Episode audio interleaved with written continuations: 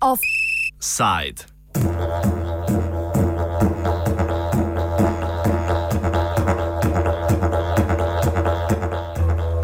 Dvesto šestdeseti člen.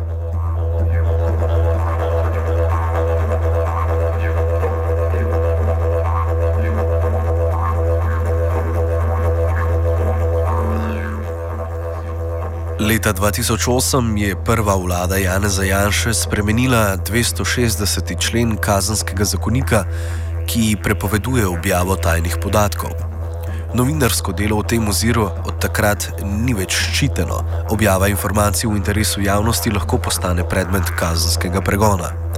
Tako se je že jeseni pričelo soditi novinarki dela Anuški Delič, obtoženi izdaje tajnih dokumentov, zaradi istega člena pa je državna oblast zaslišala še tri novinarje: Petra Lovšina, Meto Logrič z Dnevnika in danes Erika Valenčiča, novinarja RTV Slovenija.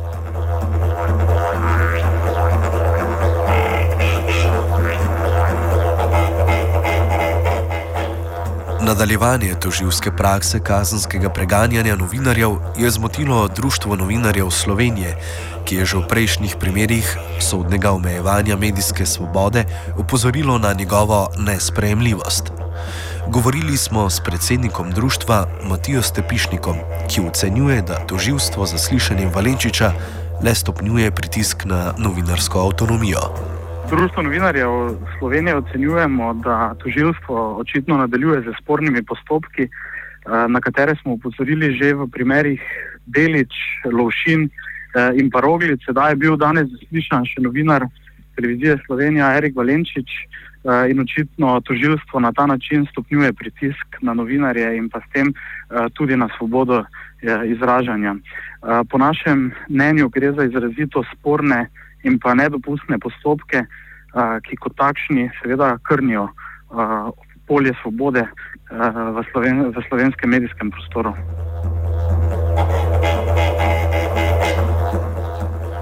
V društvu novinarjev so že ob začetku sojenja Anuški Delič oktobra lani zahtevali spremembo kazenskega zakonika oziroma spornega člena 260. člena.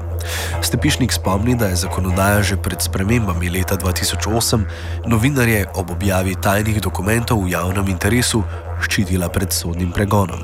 Že, že v kazenskem zakoniku, ki je veljal do leta 2007 oziroma, oziroma 2008, eh, so bila dekriminalizirana oziroma niso bila eh, kazensko pregonljiva dejanja izdaje tajnih podatkov, eh, ki so bili v javnem interesu.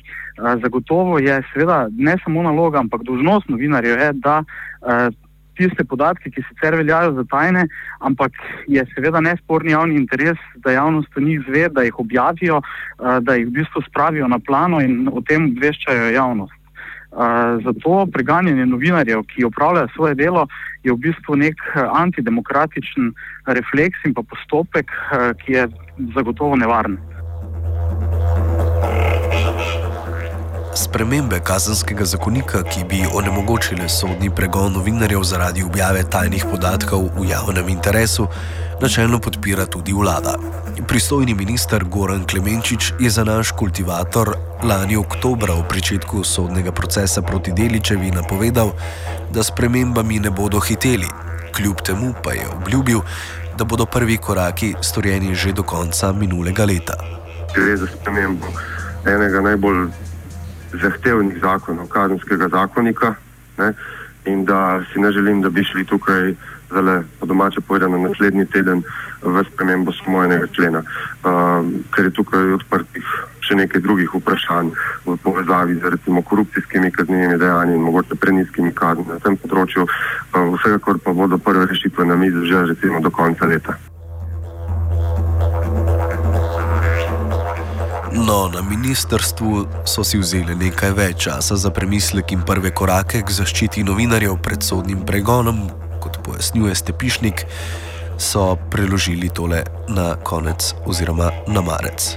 Na zadnje je minister Klemenčič eh, takšne spremembe kazenskega zakonika napovedal v zadnjem stiku, ki smo ga imeli za marec, takrat naj bi že udejanjili konkretno nekatere, nekatere stvari in tudi z samim premijem Cerarjem sta se zauzela za to, da se, da se te stvari v kazenskem zakoniku spremenijo.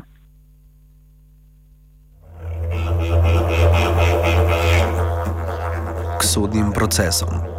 Nekdani sodelavec radia študent Erik Valenčič je bil zaradi objave dokumenta brez pripisa zaupno v dokumentarnem filmu Koalicija sovraštva, ki razkriva povezave med stranko SDS in neonacisti, danes zaslišan na specializiranem državnem tožilstvu. O naravi objavljenega dokumenta spregovori Valenčič. Dejansko smo objavili poročilo Sove o delovanju skrajnih skupin v Sloveniji ki ga je Sova po, šestmesečni, eh, po šestmesečnem zavlačevanju končno dostavila parlamentarni komisiji za nadzor nad obveščevalnimi in varnostnimi službami. Uspelo nam je v odaji pokazati in dokazati, da je poročilo politično prirejeno oziroma cenzurirano. Torej, vodil je Sovo takrat Damir Črnčec, ki je trenutno po mojih nekih informacijah Janšev človek številka ena, vlada uh, je bila pa seveda Janševa. Ne? In uh, to je bilo leta 2012, uh, eh, in veš, oni so zelo očitno prirejali in uh, cenzurirali to poročilo. Uh, medijska hiša Dnevnik je kasneje prišla do ugotovitev, uh, da ne bi originalno poročilo Sove imelo 11 strani, to, kar sem objavil jaz, samo 4.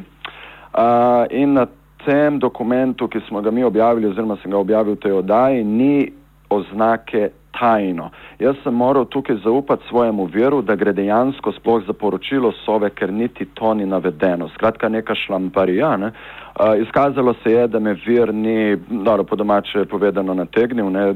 šlo je za dejansko za, za dokument sove, torej to cenzurirano verzijo originalnega poročila.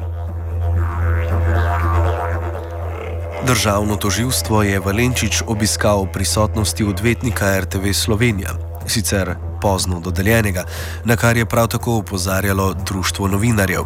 O samem zaslišanju več Valenčič. No, kljub temu, da sem dajal izjave za javnost in jih dajem še naprej, ne, sem se na samem zaslišanju uh, branil z molkom, torej vzel sem si pravico do, do molka kot obrambe, ker enostavno resnično nisem in nikoli ne bom bil pripravljen izdati svojih virov. Ne.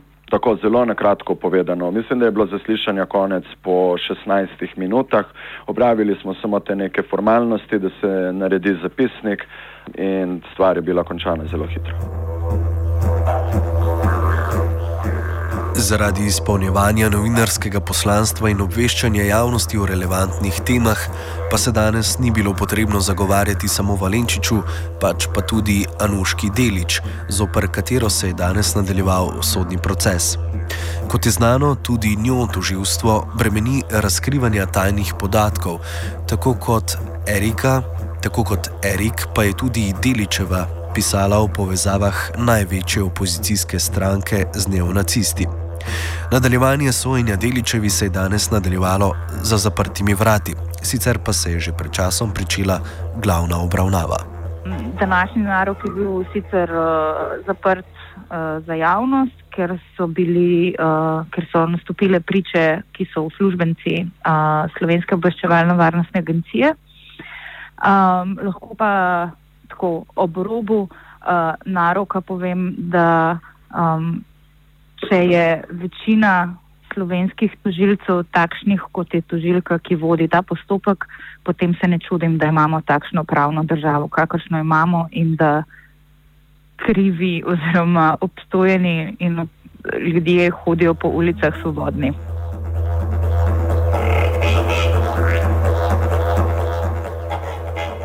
Državna oblast nadaljuje s preganjanjem novinarjev, ki razkrivajo povezave med etablirano politiko in skrajno desnico. Kakšna želja druži omenjene novinarje, za konec pove Valenčič. Želimo si, da se ohrani pravica javnosti do obveščenosti. Mi tu govorimo o zelo relevantnih temah.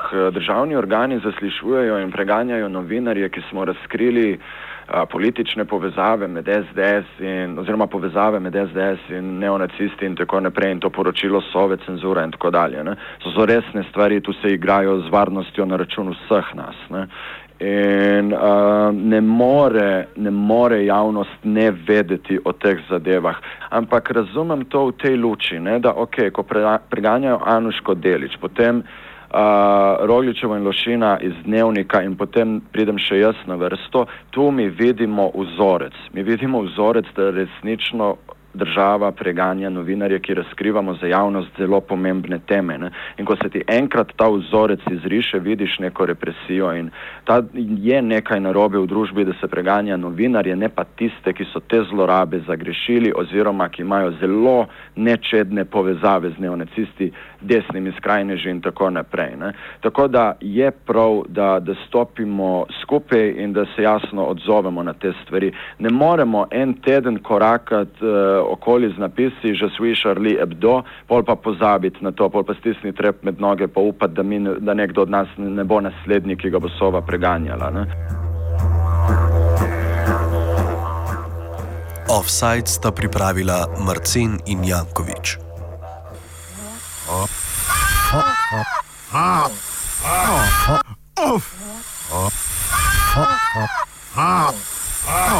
Offside.